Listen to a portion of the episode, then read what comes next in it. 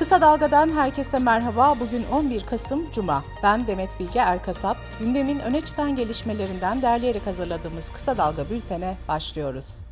Türkiye Cumhuriyeti'nin kurucusu Mustafa Kemal Atatürk ölümünün 84. yıl dönümünde törenlerle anıldı. Saat 9'u 5 geçe sirenler çaldı ve saygı duruşunda bulunuldu. Cumhurbaşkanı Erdoğan, kabine üyeleri, parti liderleri, bürokratlar ve yurttaşlar Anıtkabir'i ziyaret etti. Anıtkabir özel defterini imzalayan Cumhurbaşkanı Erdoğan, Türkiye yüzyılı vurgusu yaparak, büyük eserim dediğiniz Türkiye Cumhuriyeti'ni 85 milyon olarak geleceğe daha güçlü, daha itibarlı bir şekilde hazırlıyoruz dedi. Bu arada Anıtkabir'e gelen bir grupta her yer Tayyip, her yer Erdoğan diye slogan attı. Amasra'da 42 işçinin yaşamını yitirdiği maden faciasının üzerinden yaklaşık bir ay geçerken mecliste kurulan komisyon itiraflara sahne oldu.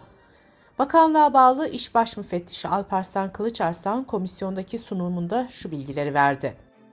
Geçen yıl bin madende denetim yapmışız. Yeraltı kömür madenlerinde eksiklerin yarısının giderilmediğini gördük.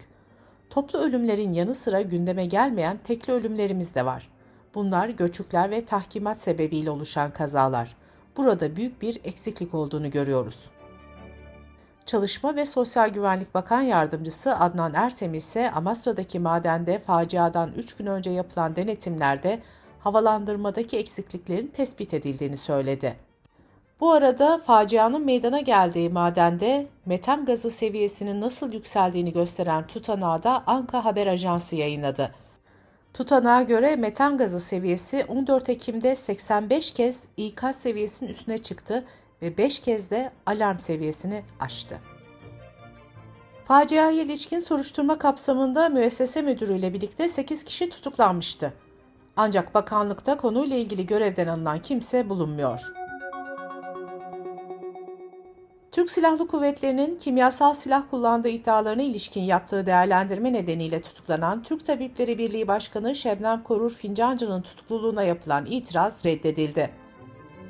Edirne cezaevinde tutuklu bulunan eski HDP eş genel başkanı Selahattin Demirtaş hakkında da yine kimyasal silah iddialarına ilişkin açıklamaları nedeniyle Milli Savunma Bakanlığı'nın suç duyurusu üzerine soruşturma başlatıldı. TSK'da aynı beyanlar için Demirtaş hakkında 100 bin liralık manevi tazminat davası açtı. CHP'li Sezgin Tanrıkulu hakkında da aynı konu nedeniyle fezleke düzenlenmişti. Eski Yalova Belediye Başkanı Vefa Salman'ın yargılandığı Yalova 2. Ağır Ceza Mahkemesi'ndeki davanın 27 Ekim'deki duruşmasında gerginlik yaşanmıştı. Mahkemede yaşananlar nedeniyle CHP milletvekilleri Ali Mahir Başarır, Seyit Torun ve Turan Akdoğan hakkında hakimlere hakaret ve adil yargılamaya etkilemeye teşebbüs suçlarından fezleke düzenlendi. CHP'li 3 vekilin fezlekeleri Adalet Bakanlığı'na gönderildi. Sağlık Bakanlığı Bilim Kurulu üyesi Profesör Doktor Alper Şener, üçlü virüsün neden olduğu hastalıkların arttığına dikkat çekti. Şener, bu tırmanış trendine henüz COVID-19 katılmadı. Aralık ayından itibaren viral hastalıklardaki tırmanış trendi devam ederse COVID-19 vakaları da artacaktır dedi. Bu arada Dünya Sağlık Örgütü COVID-19 kaynaklı ölümlerin bir önceki 9 aya kıyasla yaklaşık %90 oranında azaldığını açıkladı.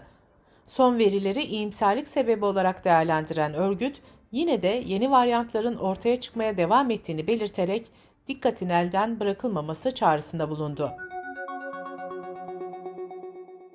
2022 Afet Tatbikat Yılı kapsamında AFAD Başkanlığı koordinasyonunda 81 ilde, 2097 öğrenci yurdunda ve 850 bin kişinin katılımıyla eş zamanlı olarak çök, kapan, tutun tatbikatı düzenlendi. Aynı tatbikat yarın saat 18.57'de tüm Türkiye çapında tekrar edilecek. Macaristan vatandaşlarının Türkiye yapacakları turistik amaçlı seyahatlerinde ve transit geçişlerinde vize muafiyeti sağlanmasına ilişkin Cumhurbaşkanı kararı resmi gazetede yayımlandı. Kısa Dalga Bülten'de sırada ekonomi haberleri var. Hazine ve Maliye Bakanı Nurettin Nebati, Meclis Plan ve Bütçe Komisyonu'nda bakanlık bütçesinin sunumunu yaptı. Bakan Nebati sunumda işsizlik oranının tek haneye düştüğünü söyledi. Ancak dün Nebati'nin bu açıklamasından sonra Türkiye İstatistik Kurumu Eylül'de işsizliğin %10.1'e yükseldiğini açıkladı. Böylece Ağustos ayında %9.8 olarak 4 yıl sonra ilk kez tek haneye inen işsizlik yeniden çift haneye yükselmiş oldu. TÜİK'e göre 15 yaş ve üstündeki işsiz sayısı Eylül ayında önceki aya göre 120 bin kişi artarak 3 milyon 482 bin kişi oldu. İşsizlik oranı erkeklerde %8.8 iken kadınlarda %12.8 olarak tahmin edildi. İstihdam ise önceki aya göre 54 bin kişi azalarak 30 milyon 867 bin kişi, istihdam oranı da 0.1 puanlık azalışla %47.6 oldu. Diskin Araştırma Merkezi'nin raporuna göre ise geniş tanımlı işsiz sayısı salgın öncesine göre 1 milyon 67 bin, son bir ayda ise 139 bin kişi arttı. Geniş tanımlı işsiz sayısı Eylül ayında 7 milyon 515 bin kişi olarak gerçekleşti. Enerji ve Tabi Kaynaklar Bakanı Fatih Dönmez, yılın ilk 7 ayında 26 kentten 34.790 abonenin faturasını ödeyemediği için elektriğinin kesildiğini açıkladı. Türkiye İstatistik Kurumu'nun verilerine göre inşaat maliyet endeksi Eylül ayında bir önceki aya göre %1.57, bir önceki yılın aynı ayına göre ise %119 oranında artış gösterdi. Milyonlarca kişinin beklediği emeklilikte yaşa takılanlara ilişkin dün ilginç bir gelişme yaşandı. Hazine ve Maliye Bakanı Nebati bütçede sunum yaparken bakanın EYT düzenlemesinin 15 Ocak'ta yürürlüğe gireceğini söylediğine dair haberler yayınlandı. Bakanlık ise bir açıklama yaparak EYT ile ilgili tarih vermediklerini bildirdi.